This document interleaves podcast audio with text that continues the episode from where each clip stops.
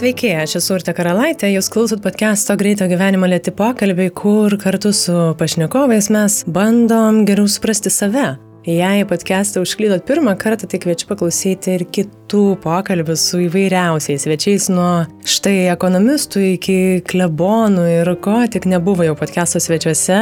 Epizodai išeina kas antrą trečiadienį, o visus juos rasi Spotify, iTunes 15 min klausyk ir kitose programėlėse bei karalaitė.com pasvirasis brūkšnys podcastas. O šiandien kalbuosi su žinomu visuomenės veikėju, ekonomistu, trijų vaikų tėčiu Nerijų Mačiuliu. Įdomu tai, kad aš pirmiausia jį pamačiau baseinę, šokinėjantį nuo tramplino ir darantį triukus ir tik po to per televiziją komentuojantį ekonominius procesus. Tai man patinka va šis Nerijos plotis - veiklų, mąstymo, pažiūrų ir tikiuosi tuo neapsiriboja. Galiausiai intravertų save vadinantis išnekėtojas visose įmanomose platformose irgi visai sužadina smalsumą. O už tokius smalsumą žadinančius pokalbius dėkokim vis didėjančiam remėjų būriui. Šį kartą prie podcast'o Patreon draugų prisijungė klausytojai Markas Palubenka, Justė Jonutytė ir Sima Marciuškaitė. Tai ačiū tikrai jums. Tie, kurie klausot e, podcast'o reguliariai, jau tikriausiai žinot, kad podcast'o pokalbiai jau virš dviejų metų reguliariai ir visiškai nemokamai pasiekė jūs visus, o pradėjom visiškai iš tiesų nuo nulio ir žinių, ir pinigų. Tai jeigu klausot, patinka, prisidėkit, jums tinkama kas mėnesinė suma patreon.com pasvirasis brūkšnys lėti pokalbiai. Arba tiesiog dalinkite socialinėse medijose ir su draugais. Labai norisi, kad tie vertingi ir klausimus keliantis pokalbiai neliktų kažkur paslėpti po kilimėliu. Podcast'o kūrimą taip pat dalinai finansuoja spaudos, radio ir televizijos rėmimo fondas Pokalbis įrašytas Vilniaus universiteto radio stotyje Start FM, kurios galite klausyti FM dažniu 94,2 Vilniuje arba startfm.lt. Sklaida rūpinasi portalas 15 minučių. Tai ačiū visiems be galo, kurie prisideda ir šį kartą jau galim tiesiogiai nerti nuo tramplino tiesiai į energingą pokalbį su Neriju Mačiuliu.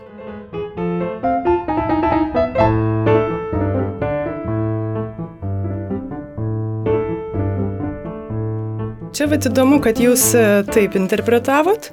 Taip, aš e, interpretavau, kad tai turėtų būti toks neprabėgom apie viską, o su tylos gal interpais tokiais, kurie šiaip jau radio laidose ar tokiuose podkastuose tai labai trikdo, jų nebūna.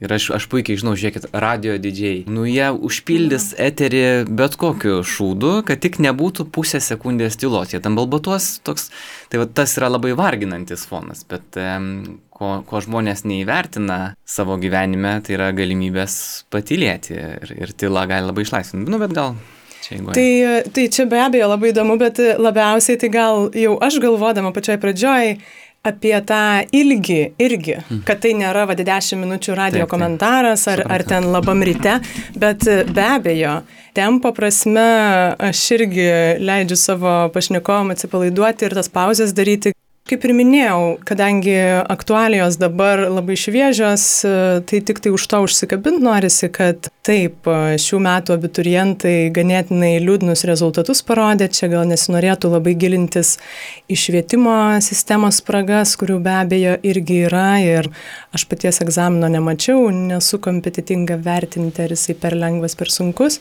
bet tada ir norisi nuo to atsispyrus pažiūrėti į tiksliuosius mokslus ir bendriau, bet iš jūsų paties patirties. Mm. Pirma, gal visai pradžiai, man taip atrodo, kad žmonėm visai didelį iššūkį kelia ir laiko planavimas, ką jūs neišvengiamai turit daryti su darbais, vaikais, kuris jūs labiau būtumėt ar tas, kuris užsimetat per daug laiko, kad laiku būti, ar kuriam vis neužtenka laiko ir vis nespėjat? Nei tas, nei tas turbūt. Aš daugeliu atveju gyvenu tokiu natūraliu tiekmės ritmu, per daug neplanuodamas ir per daug e, nesirūpindamas tuo, jeigu nukrypsta mano dienos eiga nuo, nuo pradinio plano. Nes mano darbo specifika yra tokia, kad pasikeisti poreikiai, kur aš turiu būti ir ką turiu daryti, jie gali labai greitai. Ir galiu gauti kvietimą apsilankyti radio laidoje ar televizijos laidoje. Tai reiškia, kad kažkuriuos darbus, kažkurios pramogas, kaip nuėjimai į baseiną, aš turiu atidėti kitam kartui. Tai dėl to aš esu pripratęs prie neapibrieštumo. Ir manau, kad viena iš tokių aiškiausių ir labiausiai stiprėjančių pasaulio šio laikinio gyvenimo savybių yra neapibrieštumas. Jis nuolat didėja. Ir e, mano gyvenime, kadangi viena iš pagrindinių mano funkcijų yra prognozuoti, kaip atrodys ekonomika ateityje, kaip e, keisis gyventojų pajamos, kokie bus iššūkiai, kokios galimybės, tai kiekvienais metais aš gaunu tokį reality check, kai pamatome, kokios yra mūsų ribotos galimybės prognozuoti tą ateitį. Ir šie metai 2020 buvo ypač tuo išskirtiniai, nes niekas negalėjo prognozuoti, labai mažai kas galėjo įsivaizduoti, kaip atrodys ekonomika šiemet. Tai dėl to manęs nelabai jaudina nukrypimas nuo plano ir aš esu susitaikęs su tuo neapibrieštumu, chaotiškumu, kuris mus supa. Bet netgi ir tame neapibrieštume, chaotiškume yra nesikeičiančios taisyklės ir matematiniai dėsniai. Mes vėlgi grįžtame prie matematikos, kuriuos reikia turėti omeny ir kurie padeda gyventi ir planuoti. Pavyzdžiui, čia gal galite ir iliustruoti. Tai be abejo ne kaip tiesioginės e, lygtys ir, ir nežinau, ką mes be prisimenam, parabolės konkrečios, ką dažniausiai ir ne tik abiturientai, bet ir vėliau žmonės ir klausia, tai vad kuo man čia ar ne šitas naudinga ir be abejo tiesiogiai nebūtinai, bet tai vad jūs minit kažkokius dėsnius, Kaip tada matematika bet, bet įvažiuoja? Čia yra viena iš tokių liūdniausių aplinkybių, kur yra apipinus matematikos mokslą ir matematiką ypač Lietuvoje. Ir vienas iš dažniausių klausimų yra, kam man to reikės. Ir jau čia yra klaida, kurią padaro turbūt mokytojai ir tėvai, kurie pradeda galvoti apie matematikos mokslą pritaikymą. Kaip jį gali pritaikyti, ką tu dirbsi, ar tu būsi programuotojas, ar inžinierius, ar būsi statybininkas, kuriam irgi reikės tam tikrų matematinių žinių, ar tu būsi ekonomistas, kur reikės vėlgi modeliuoti, prognozuoti. Čia yra klaida, nes labai daug žmonių savo kasdienėme gyvenime tiesiogiai matematikos nenaudoja, nesprendžia nei lygčių, nei apsirašo kažkokių tai uh, mūsų supančių reiškinių tarpusavio ryšio per matematinės liktis, kurių pagalba po to gali geriau atskleisti tuos ryšius ir juos prognozuoti. Bet matematika, jos pagrindinė funkcija yra visai kita to, ko mes mokomės mokykloje.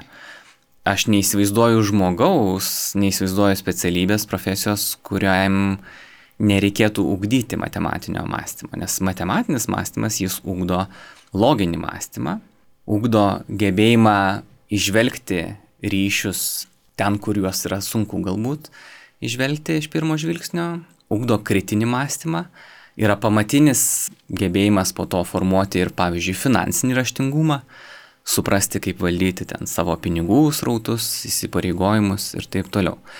Tai vad, aš manau, kad matematikos pamokas mokyklose reikėtų pradėti nuo to, kad paaiškinti moksleiviam, kad tarp matematikos pamokų yra labai daug ko bendro, pavyzdžiui, su fizinio lavinimo pamokomis. Fizinio lavinimo pamokose mes ugdome raumenis, koordinaciją, matematikos pamokose mes visų pirma treniruojame smegenis. Būtent mokantis matematikos veikia ir treniruojama ta smegenų dalis, kuri yra atsakinga už sprendimų prieimimą, už dėmesio koncentravimą. Ir čia aišku, tai yra visiems svarbu, nepriklausomai nuo to, ar gyvenime tau reikės apsirašyti kažkokią matematinę lygtį ir ją spręsti, ar nereikės. Tai manau, kad kiekvienas jaunas žmogus, net ir planuodamas tapti aktoriumi, menininku, tapytoju, dainininku, aišku, sakys, kad man matematikos nereikės, ką man dabar čia tas trigonometrinės lygtis mokytis. Taip, tau jų nereikės. Bet tau reikės gerai veikiančių smegenų, tau reikės priimti sprendimus kasdieninėme gyvenime, reikės koncentruoti dėmesį, reikės logiškai mąstyti, reikės identifikuoti sukčius, kurie norės tave apgauti gyvenime ir visą tai tu gali išmokti matematikos pamokose. Taip, čia iš tiesų turbūt yra toksai žmogaus polinkis į kažkokio tai paprasto atsakymo ieškojimą ir tada praktinį pritaikymą iš karto. Tai čia Taip. ne tik matematika, bet ir daugybė kitų dalykų ir mokykloje, ir universitete kelia klausimų, tai kam man to. Taip, bet praktinis pritaikymas Pagalvokime apie kitas mokslo šakas - chemiją. Ar daugam reikėjo praktiškai pritaikyti tai, ką mes mokomės chemijos pamokose? Ar man reikia kasdien žinoti cukraus e, molekulę struktūrą, formulę, ar man reikia žinoti, kaip vyksta ten sintezė kažkokių e, molekulių. Lygiai taip pat ir su fizikos dėsniais.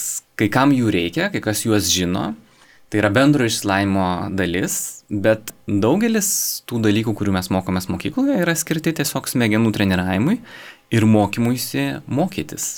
Dėl to atsakymas į klausimą, kam man to reikės, taip aš galiu išvardinti profesijas, kuriuose reikės vienokių ar kitokių matematikos žinių, bet aš negaliu išvardinti ne vieno profesijos, ne vieno žmogaus, kuriam nereikia ugdyti, treniruoti savo smegenų. Ir čia tada įdomu pagalvoti, visgi, na, žmogus nėra visiškai racionalus. Čia aš taip gal daryčiau prielaidą, ar tuomet tie, kurie daugiau ugdo tą savo tikslų įmatymą, racionalų įmastymą, jie geba tuomet racionaliau sureaguoti kažkokiose krizinėse situacijose. Čia galima pažiūrėti gal ir netaip seniai mūsų ištikusią krizę ir pandemijos koronos. Ir jūs pats sakot, mes tarsi suprantam, kad bijoti yra gerai, sveika, bet panikuoti ne. Toje situacijoje racionalus protas galėtų mums gelbėti. Kaip jūs praktikoje gal esat susidūręs, be abejo, jūs irgi turite emocinę pusę ir nežinau, kaip ten vyksta tos diskusijos, vad mm. krizė yra visiems Taip. didžiulė. Taip. Tai gal ir iš pastarųjų vat, mėnesių savo reakcijas pastebėjote ir tas racionaliojo savo proto įsijungimą. Labai svarbus čia yra kampas, kurį jūs paliečiate. Fundamentalios ekonomikos teorijos, klasikinės, jos daro prielaidą, kad žmogus yra racionalus. Homo ekonomikos. Visi tie klasikiniai ekonomikos dėsniai yra aprašyti darant prielaidą, kad žmogaus smegenys veikia kaip kompiuteris optimizuoja procesus, įvertina visas aplinkybės, suskaičiuoja tikimybės ir atitinkamai elgesi. Realybė yra tai, kad nie vienas iš mūsų mes nesame racionalūs, tas racionalumo, objektivumo laipsnis skiriasi, bet mūsų visus valdo emocijos. Ir žmogus visų pirma yra emocinė būtybė, jaučia daugybę emocijų, jaučia baimę, jaučia godumą, jaučia smalsumą. Tas emocijas reikia kartais valdyti, kartais jas reikia išlaisvinti. Nes, pavyzdžiui, mes turime problemų, kuomet e, smalsumas ir žingeidumas kartais mokyklose yra užslopinamas, užspaudžiamas. Ir vėl grįžtant šiek tiek prie matematikos, tai viena iš problemų, kodėl matematikos egzamino daug kas neišlaiko ir kodėl daug kas nenori mokytis matematikos, tai viena problema nesupranta, kam to reikės, antra problema - matematikos mokymo procesas yra labai nuobodus. Abstraktus simboliai, abstrakčios formulės, abstraktus dėsniai turi kažkaip mus įkvėpti domėtis tuo. Ir ypač jeigu nematai, kaip tą panaudosi, tai aišku, kad yra labai sunku domėtis. Bet galima mokyti matematikos ir labai įdomiai. Ir viena iš problemų, pavyzdžiui, yra tai, kad, na, mums pristatomas yra kažkoks jau įrodytas dėsnis, Pitagoro teorema ar kažkokia kita teorema, kurią mes žinome, kaip galima pritaikyti. Bet matematikos giluminis mokymas vyksta, kai tu supranti, iš kur tas dėsnis, iš kur ta teorema atsiranda, kai tu įrodai, turi kažkokias bazinės aksiomas nekintančias tiesas, dėsnius ir iš jų prieini žingsnis po žingsnio, pamažu randi įrodymą, randi kelią iki to sprendimo. Bet čia yra įdomiausias, jisai gali būti labai kankinantis tas kelias. Aš atsimenu pats vieną kartą vaikystėje sprendžiau vieną sudėtingą fizikos uždavinį, kurio nežinau kaip išspręsti.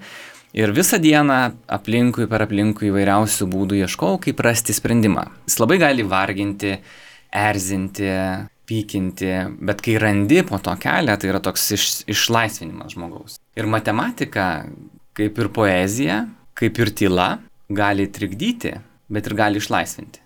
Dėl to matematikos mokymasis e, ir tinkamas mokymosi būdas yra labai e, svarbus. Ir grįžtant prie jūsų klausimo dabar apie tai, kaip tai pasireiškia mano profesiniai veikloje, tai aišku, kad mano profesinėje veikloje irgi yra emocijos, kai aš matau aplinkui paniką, kai aš matau kažkokius prastus statistinius duomenis, kai matau nerimaujančius aplinkinius, be jokios abejonės tai turi įtakos prielaidoms, kurias aš darau, pavyzdžiui, prognozuodamas kažkokius procesus. Bet vėlgi, mat, mano matematinis mąstymas, loginis mąstymas, tas racionalus pradas, visuomet mano pirmas žingsnis yra atsiriboti nuo tų emocijų, žiūrėti visų pirma į nuogus faktus, žiūrėti į prielaidas, koks yra labiausiai tikėtinas scenarius, o ne tas, apie kurį dabar visi kalba ir visi, kurio bijo, ir tada prieiti prie prognozių ir e, išvadų.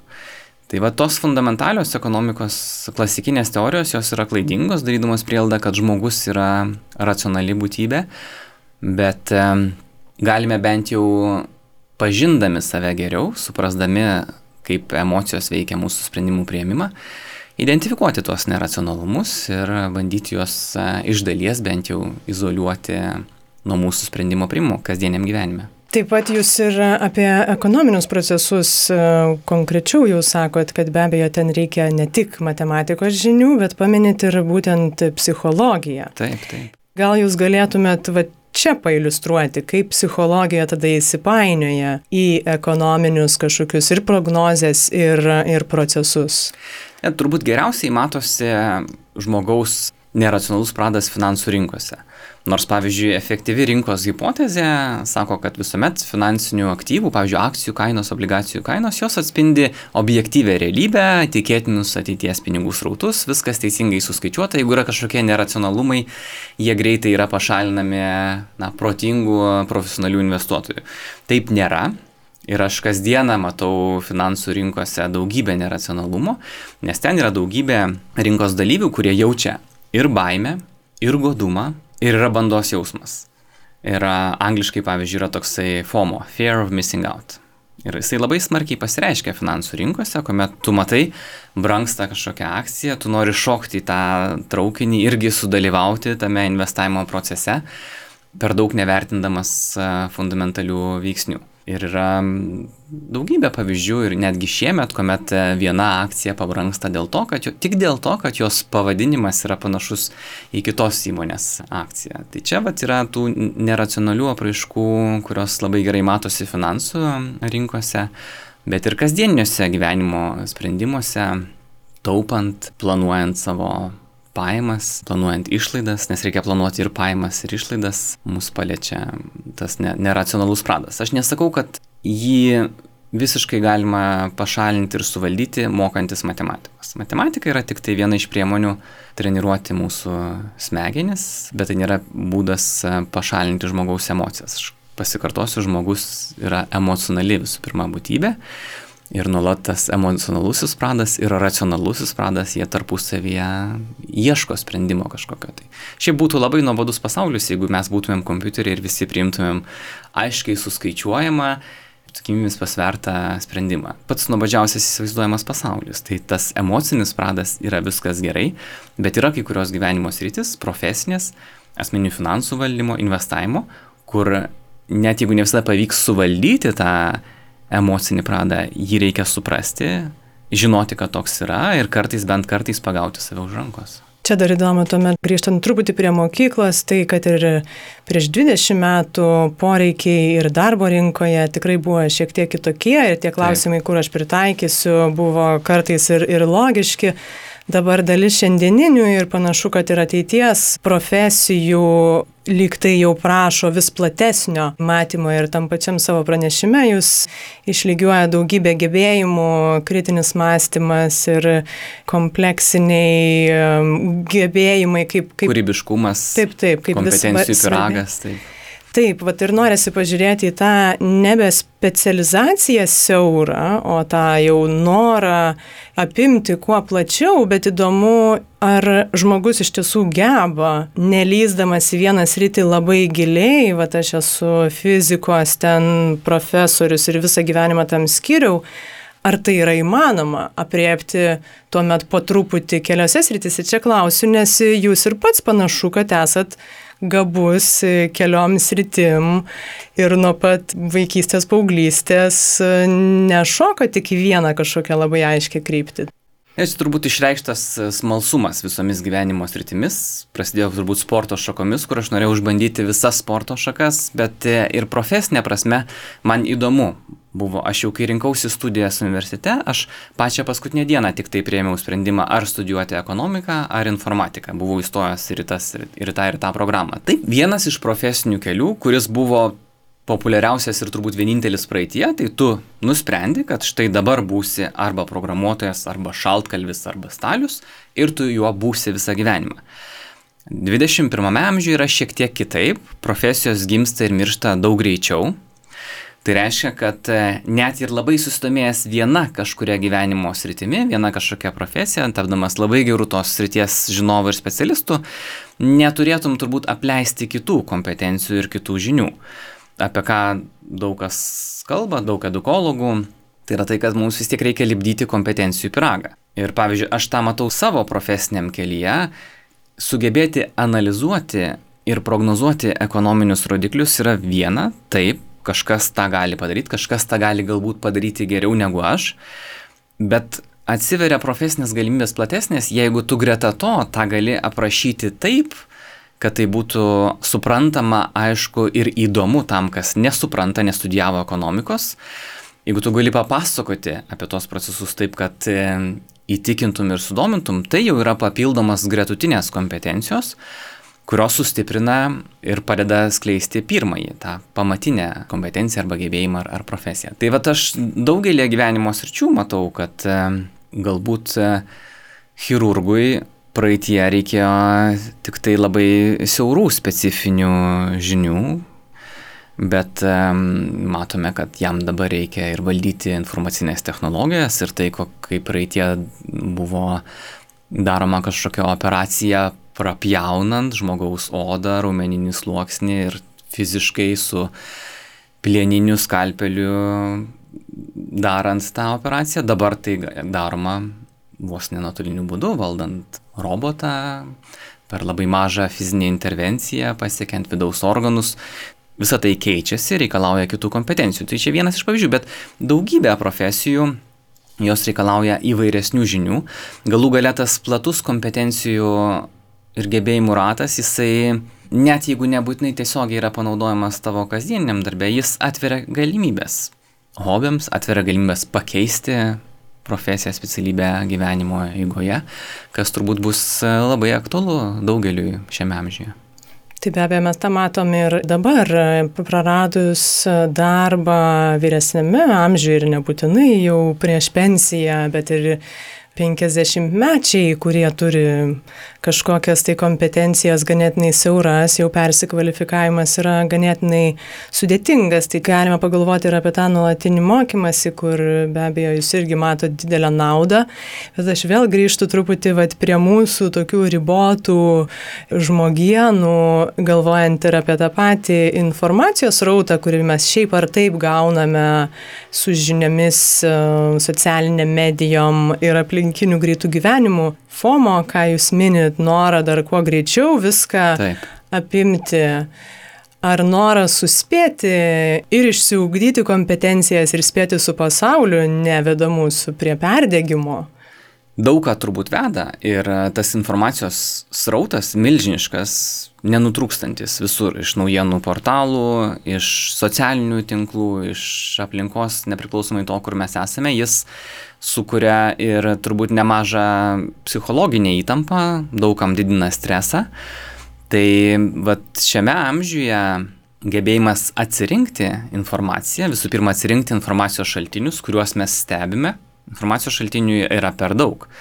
Jų visų stebėti neįmanoma, tai turi atsirinkti, ką ir kada stebėsi. Kokie tavo bus informacijos šaltiniai, kai tu ieškai kažkokių specifinių žinių. Ir mes matome daugybę problemų, kuomet e, konspiracijos teorijos klesti dėl to, kad žmonės ne visai gerai žino, kokią informaciją galima pasikliauti, kokią ne. Ir pavyzdžiui, YouTube kanale kokiam nors suranda daug peržiūrų turinčio kokio nors profesoriaus įrašą apie tai, kad e, skiepai yra blogis ir įtiki.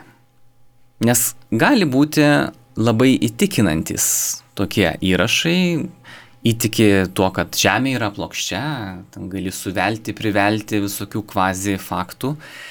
Ir e, dėl vienokių ir kitokių priežasčių tokios e, konspiracijas patvirtinančios informacijos internete yra labai daug. Ja sugebėti atsijoti, atpažinti labai greitai reikia patirties ir reikia tinkamo mąstymo būdo, kurį ūkdo matematikos mokymasis.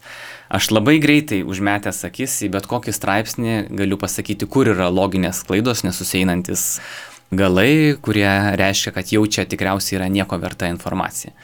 Ir tikrai raudonos vėliavos vienoje kitoje vietoje greitai užsidegančios, ne, net per daug nesigilinant. Tai tą gebėjimą reikia ugdyti, pradedam ugdyti jį besimokydami matematikos, bet po to, aišku, jį ugdome nuolat kartais man įdomu pasižiūrėti tuos filmukus, kurios ten pakursto ar sukuria konspiracijos teorijas tikėjimų nebūtais dalykais, vien dėl to, kad suprasčiau, kokiais argumentais jie remiasi, kokias technikas naudoja, tam, kad apgautų, įtikintų, suklaidintų.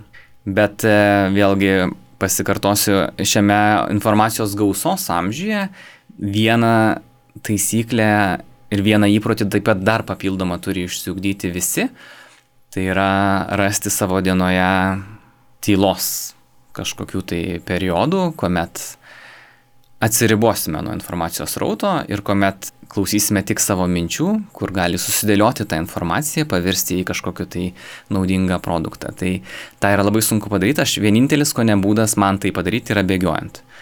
Bėgiojant, aš neturiu jokio informacijos rauto, visa informacija, kuri sukasi, sukasi mano galvoje ir tada jau galima sintetinti kažką naujo įdomaus. Tai čia manau, kad e, labai svarbu daugam turint laisvą minutę, laisvą pertraukėlę, nepasinerti į socialinius tinklus, nepasinerti į naujienų portalus, bet pasinerti į save.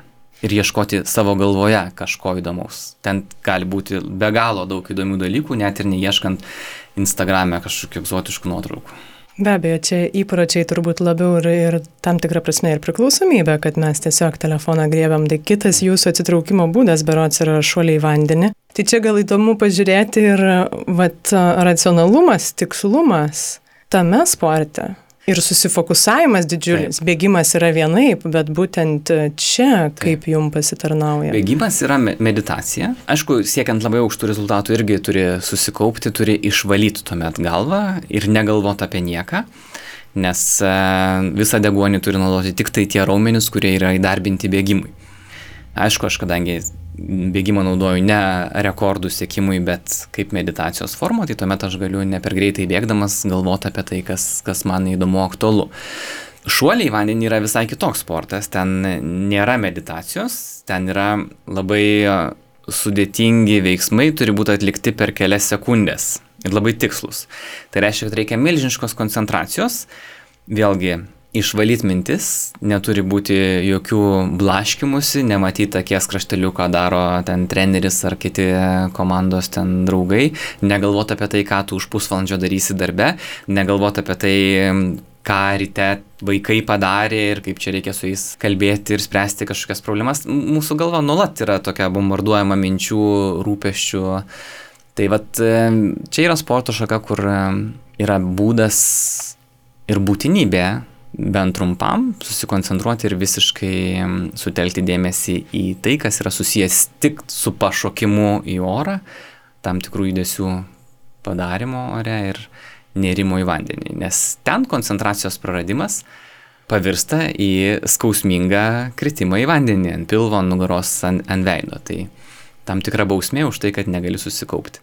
Ar esat pastebėjęs, kad kažkokia, na nežinau, vat, kitokia būsena dėmesio, nesukoncentravimas, rūpeščiai vaikai jūs išblaškė ten ir... Taip, taip, tai va aš ką ir sakau, tai yra būtent ta situacija, kai aš žinau, kad pavyzdžiui po treniruotės eisiu į konferenciją skaityti pranešimą. Ir aišku, aš paprastai prieš tai mintise prasukinėjau, ką aš ten sakysiu, ką aš noriu pasakyti, kaip aš noriu pasakyti ir jau tada tai yra sunkiai suderinama. Aš negaliu atsistoti ant e, bokštelio ir šokti nuo 5 metrų, tuo metu galvodamas, ką aš kalbėsiu apie BVP, nedarbo lygį ten ar finansų rinkas. Tai vėlgi vienas iš būdų, aš kaip ir minėjau, matematikos mokymasis treniruoja tą pačią smegenų dalį, kuri atsakinga už sprendimų priimą ir koncentraciją, dėmesio koncentravimą. Dėmesio koncentravimas tampa vis svarbesnė kompetencija, kuri yra vis sudėtingesnė.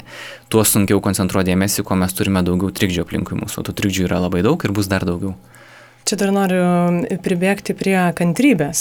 Keletą kartų esat minėjęs, kad e, nesat labai pakantus ir kad kantrybės e, lyg ir trūksta. Tai man čia užstrigo, nes galvojant apie tiksliuosius mokslus, e, galų gale ir daugybę duomenų, man atrodytų liktai, kad va čia reikia kantrybės. Ir jūs minit kažkokį uždavinį, kurį visą dieną Taip. sprendėt vaikystėje. Kaip jūs čia išsisukat jūsų vat, asmeninę savybę ir ar aš klystu galbūt? Išspręsti sudėtingą problemą reikia turbūt užsispyrimo. Gal tai yra labiau užsispyrimas, noras kažką pasiekti, kažką padaryti, nepasiduoti pusiaukelėje. Kai aš kalbu apie kantrybę, turiu minį turbūt labiau tokį pakantumą. Ir, nu, aš negaliu ilgą laiką stebėti, kaip mano vaikai manęs neklauso, ten mėto, ten šiukšlina, kažką gadina. Tai vat, aš, jie ugdo mano kantrybę, aš kiekvieną kartą stengiuosi kantriai jiems paaiškinti, kodėl aš iš jų tikiuosi kitokio elgesio, kodėl jie turi stengtis kitaip elgtis. Bet e, aš turiu pripažinti, kad aš nesu kantrus ir nesu pakantus. E, tai, tai turbūt šiek tiek skirtingos kompetencijos. Taip, gebėjimas susikaupti yra vienas dalykas, bet e, pakantumas ir kantrybė irgi turbūt ugdomos savybės, kurias aš vis dar bandau ugdyti, su amžiumi lengviau tą padaryti, bet nėra lengva.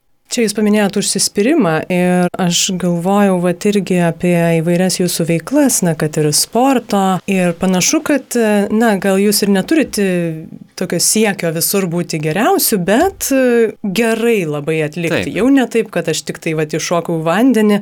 Tai vat įdomu, kas čia veikia. Ar azartas, gabumai, ar irgi tas pats užsispyrimas ir ambicijos. Gabumus man sunku taip objektyviai vertinti, kalbant apie save, bet užsispyrimas yra labai svarbu. Ir aš atsimenu, kai pradėjau bėgioti ilgas distancijas, maratonus, nu buvo sunku. Ypač pradėjau bėgioti rudenį, tai žiema, sniegas, ten išeiti tamsoje, bėgti tuos 7 ar 10 km nebuvo tikrai malonu. Po to tame bėgime gali atrasti malonumą, jisai išlaisvina iš tiesų, Nes bėgant ar užsiemant bet kokią kitą aerobinę veiklą, žmogaus smegenys sintetina labai svarbių neurotransmiterių, kurie padeda valdyti ir, ir stresą, ir vėlgi didina koncentraciją, atmintį gerina. Tai bėgimas man yra tikrai nėra būdas kažkokią fizinę formą palaikyti, tai yra ir psichologinę geresnę formą palaikyti. Bet um, užsispyrimas yra svarbus daugelį sporto šakų. Yra labai lengva mest. Nu, man čia per sunku su šuoliais į vandenį irgi, tol kol tu pradedi šokinėti taip, kaip tau yra pačiam gražu, malonu, užtrunka labai daug. Ir labai lengva ten nukritus ant pilvo ar ant veido į vandenį sakyti, kad, nu ne, aš ne, nenoriu čia. Tai turi rasti į savyje motivacijos, turi užsispirti, ne tam, kad taptum čempionu, bet tam, kad kažko pasiektum, jeigu jau čia ėmėsi, radai kažkokių priežasčių užsimti vieną ar kitą veiklą tai negali numesti jos nesupratęs, kokia yra tos veiklos ten esmė ir kaip ten iš tiesų siekti rezultatų. Ir iš tiesų aš daugybėje sporto šakų, kurioje esu bandęs, aš ne, netapau jokių ten čempionų, bet kiekviena iš jų man kažką davė. Tiek fizinio ūkdymo prasme, tiek koordinacijos, lankstumo, tiek smegenų ūkdymo prasme ir, ir, ir psichologinio savęs ir pažinimo ir valdymo prasme. Tai vad užsispyrimas šiuose veiklose, kaip ir profesinėse veiklose, man e, padeda siekti nebūtinai aukščiausių rezultatų, bet padeda nemesti to anksčiau, negu reikėtų. Tai vad įdomu tą pirmą stadiją pažiūrėti ir bėgime aš įsivaizduoju, tikrai reikia vat perlipti tą daugybę gal barjerų, bet pirmą didįjį, kas jūs išveda ten? Ar jūs kažkokius tikslus tuomet nusistatot, kad nežinau, aš metus kasdieną bėgiosiu, ar... Tai. Atsakymas į šį klausimą yra nežinau. Kaip be būtų gaila, norėčiau kažkaip pasakyti, kaip taip yra, bet turbūt kažkokios vidinės prigimtinės galbūt savybės. Ir pavyzdžiui, aš šokinėdamas į vandenį neturiu jokių tikslų. Tai yra man toks hobis, kuris yra man malonus. Aš kai bėgioju ilgas distancijas, aš kartais išsikeliu kažkokį tikslą. Aš turėjau tikslą nubėgti maratoną, po to aš turėjau tikslą nubėgti maratoną greičiau negu per 3 valandas. Dabar galbūt, dar neturiu labai jau taip aiškiai išreikšto tikslo, bet galbūt norėčiau nubėgti 100 km vienu bėgimu ir šiek tiek treniruojasi tame fronte, bet e, tai nėra tik tikslo konkretaus iškelimas. Ir, ir kartais pats radimas, kuo mėgautis pačiame procese irgi yra labai svarbus. Nes daug ką į priekį veda labai konkretus tikslas ir nenorėjimas jo mesti, mane daug dažniau į priekį veda radimas kaip mėgautis procesu. Nes net ir sudėtingos veiklos, net ir pavyzdžiui bėgimas ilgos distancijos karštą dienais, gali rasti, kuo ten pasimėgauti tame procese. Ir va tada yra lengviau nemesti pradėtų darbų kažkur pusiaukeliai. Čia tam tikro ir atidumo reikalauja, nes, kaip jūs ir pats sakot, pirmos emocijos tarsi yra nemalonios. Taip. Ir lietus, ir sniegas, ir karšta diena. Tai aš dar noriu truputį į kitą pusę nukrypti.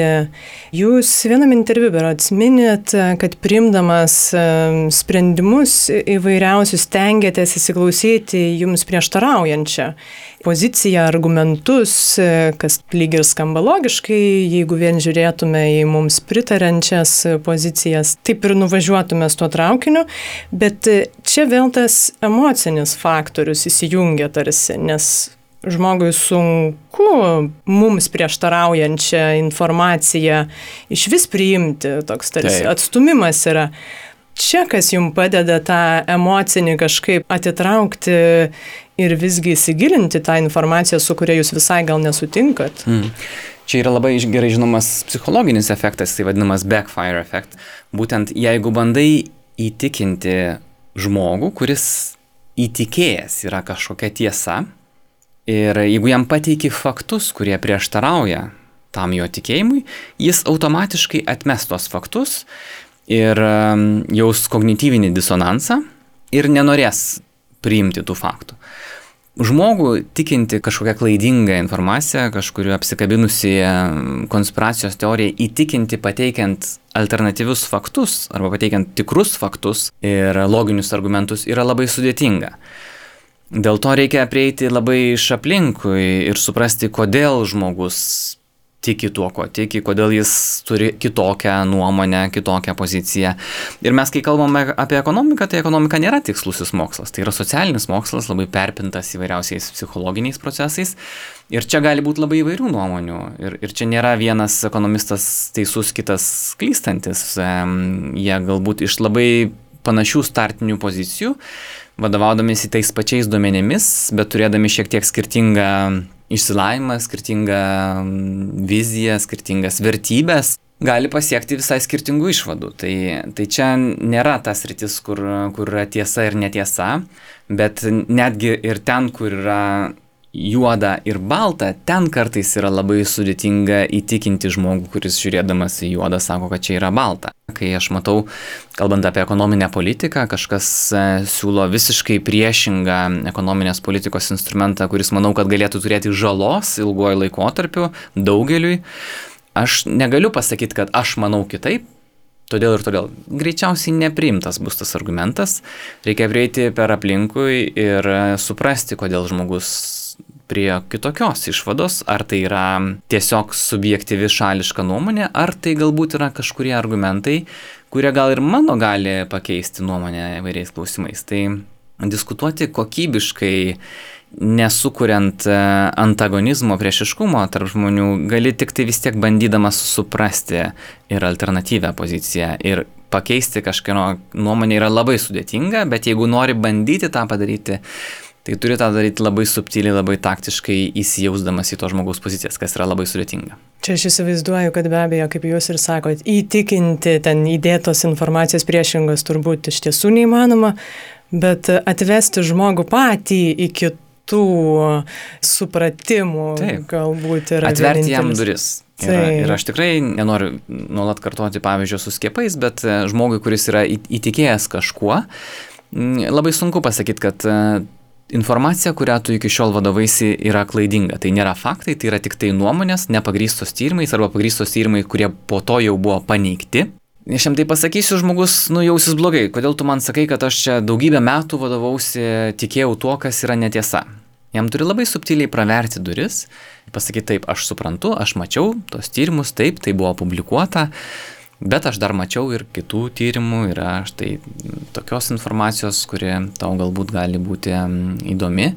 Nebruki, palieki alternatyvą. Tai yra vienintelis būdas leisti žmogui pačiam surasti tiesą. Ne visi nori ieškoti ir kartais žmogus kažkuo patikėjęs ar, ar įgyjęs kažkokias vertybės labai ankstyvam amžiui jų ne, nebeišmuši. Taip jau yra, bet daugeliu tu gali padėti bent jau suabejoti tuo, ką tu galvoji, kad žinai, ar tuo, ką tiki.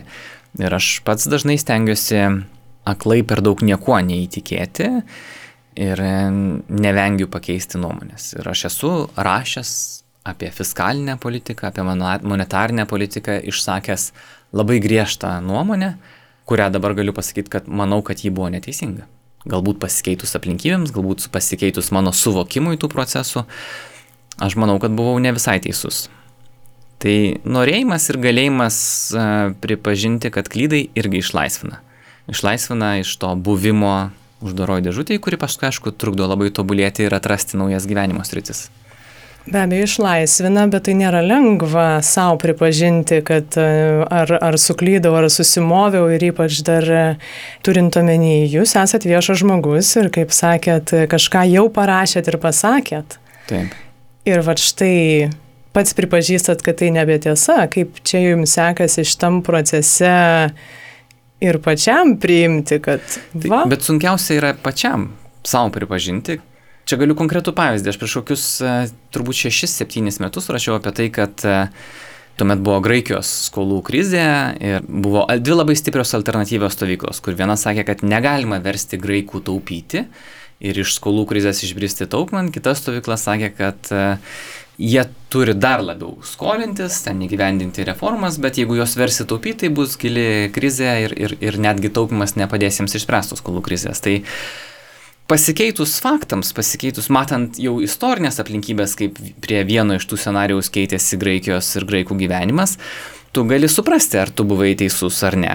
Ir tu gali toliau save įtikinėti, kad aš, aš buvau teisus, nors tu matai, kad tai buvo klaidinga pozicija ir klaidingas kelias ir galbūt tiesa buvo kažkur pusiaukeliai, bet e, jeigu savo nepripažinsi, kad tu klydai, tai tada jau visus uždarai kelius tobulėjimui. O aš ne, negaliu įstrikti ten, kur aš turėjau kažkokias nuomonės prieš penkis ar prieš dešimt metų.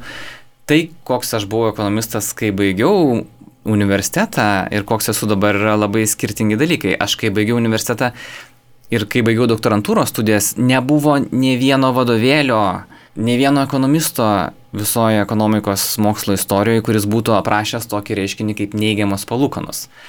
Dabar mes gyvename realybėje, kur neigiamos palūkanos, Lietuva skolinasi už neigiamas palūkanas. Tai na, aš negaliu įstrikti ten, kur buvau. Tai yra vienas iš greičiausiai evoliucionuojančių mokslų, kur, kur tikrai tai, kas atrodė tiesa praeitie ir nekintama, pasikeitė labai greitai, per dešimtmetį gali, gali kartais greičiau pasikeisti. Mes šiemet matėm kitų reiškinių, kaip pavyzdžiui, naftos kaina buvo neigiama. O prieš metus aš būčiau taip gana sunkiai įsivaizdavęs, kad štai kažkas naftos barelį pirks už minus 37 dolerius. Tai yra, tau atneša naftą ir dar primoka 37 dolerius, kad tu jį imtum. Ne? Tai, tai tokių keistų reiškinių yra labai nemažai ir um, jie priverčia mus nuolat klausti savęs, ar tai, ką aš žinau, tai, ką aš manau, kad žinau, yra iš tiesų tiesa. Jeigu savo tų klausimų neužduosi, tai aišku ir viešoje erdvėje nepripažinsi, kad darai klaidas ir, ir, ir liksi ten, kur esi. Bet to pačiu įdomu, kad, na, jūs net ir, vat, ir iš patirties, bet ir suprasdamas, kad ir be abejo ir jūs galite suklysti, išeidamas į viešumą ar kažkokią tai prognozę, e, formuluodamas, jūs vis tik išeinat su tvirta nuomonė, na, ji turi būti kažkokia tai aiškiai Taip. apibriešta ir suformuluota. Jūs turite tikėti savimi tuo metu, savo poziciją, kas Taip. kūrė tavo tvirtumą. O tikėjimas nieko neįrodo, kaip sakė Nyčia. Nerūpestingas pasivaikščiojimas po beprotnami parodo, kad tikėjimas nieko nerodo, taip berots jis rašė. Bet aišku, kad aš kai pateikiu kažkokias prognozes, kai tai pristatau plačiai auditorijai, aš e, turiu visų pirma pats jomis tikėti. Tai reiškia, kad aš turiu naudoti maksimalų įmanomą duomenų skaičių, faktų skaičių ir atsiremti nuo objektyvių prielaidų, mažiausiai atskiestų emocijomis, tikėjimu, optimizmu, pesimizmu. Tai kai taip iš tokias turi startinės pozicijas, tuomet tikrai lengva pasakyti, kad, na, mano nuomonė, labiausiai tikėtinas scenarius yra toks. Aš niekada nesakysiu, kad štai BVP auks šiemet e, 3 procentais. Tai iš to, ką mes žinome, prie tokių prielaidų labiausiai tikėtinas scenarius yra toks. Ir aš dažnai, kai pavyzdžiui, bendrauju ir, ir skaitau pranešimus verslininkų konferencijose, jiems nėra įdomu, kai aš pasakysiu, ar BVP auks 3 ar 4 procentus. Jiems įdomių prielaidos. Kokios yra aplinkybės pasaulyje, kas vyksta geopolitiniam fronte, kas vyksta žaliavų fronte, kas vyksta viename ar kitame pasaulio regione, kokias mes darome prielaidas dėl tų procesų, ar jie keisis ateityje ar ne. Ir jie tada patys gali dažnai priimti sprendimą, ar jiems atrodo tokios prielaidos tikėtinos ar mažai tikėtinos. Galbūt jie mano, kad tie vykstantis procesai, pavyzdžiui, kažkoks konfliktas tarp JAF ir Kinijos pasuks visai kitų kelių ir turės įtakos jų verslui, jų primami sprendimam. Tai tiesiog vienas iš mano darbų yra ne visą žinio tonų pasakyti, kad aš žinau, aš nežinau, kas bus. Danų patarlė sako, prognozuoti yra labai sudėtinga, ypač ateitį. Toks kalambūras, ar ne? Nes net ir dabartį suprasti yra labai sudėtingo. Kai mes kalbam apie ateitį, tai gali vykti bet kas. Tai mūsų darbas turbūt yra pasakyti geriausiai, ką mes matome apie procesus ir aplinkybės, kurios vyksta dabar ir prielaidas, kas tikėtina gali vykti ateityje. Tai vad jūs paminite tą tikėjimą ir esat pasakęs ir religijos klausimų, bet gal šį kartą ten ir neklyskime, kad šiuolaikinis mokslas mums atsako apie visatos ir žmogaus kilmę ir yra likę labai mažai vietų, kuriuose savo egzistavimui ir buvimui paaiškinti reikėtų tikėjimo. Čia gal norėtųsi nuo to atsispyrus plačiau pažiūrėti, kuo jūs vis tik šiandien tikit. Čia ir labai platus, ir labai sudėtingas klausimas. Aš ką tik minėjau Nyčias citatą apie tikėjimą, kuri galbūt labiau buvo susijęta su, su religija, bet aš e, negaliu sakyti, kad mano gyvenime nėra tikėjimo. Nes taip, mokslas atsako į daug klausimų, bet e, yra ir labai daug neatsakytų klausimų, ypač kai mes kalbam apie ateitį.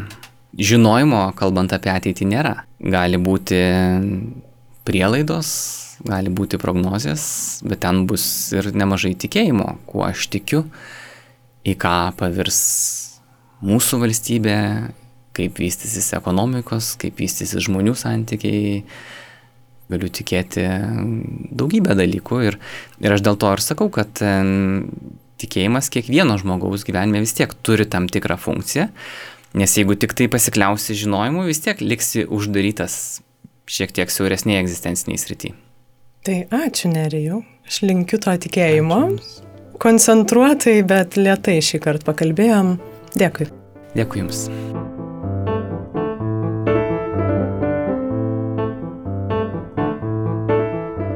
Ačiū, kad klausėtės. Iš tiesų, man pačiai, kaip matematikos pamokose, kėlusiai panašius prasmės klausimus, šis pokalbis tikrai daug minčių sukėlė. Kažkaip smalsu tapo net pabandyti savo emocinę ir racionaliąją pusę truputį subalansuoti.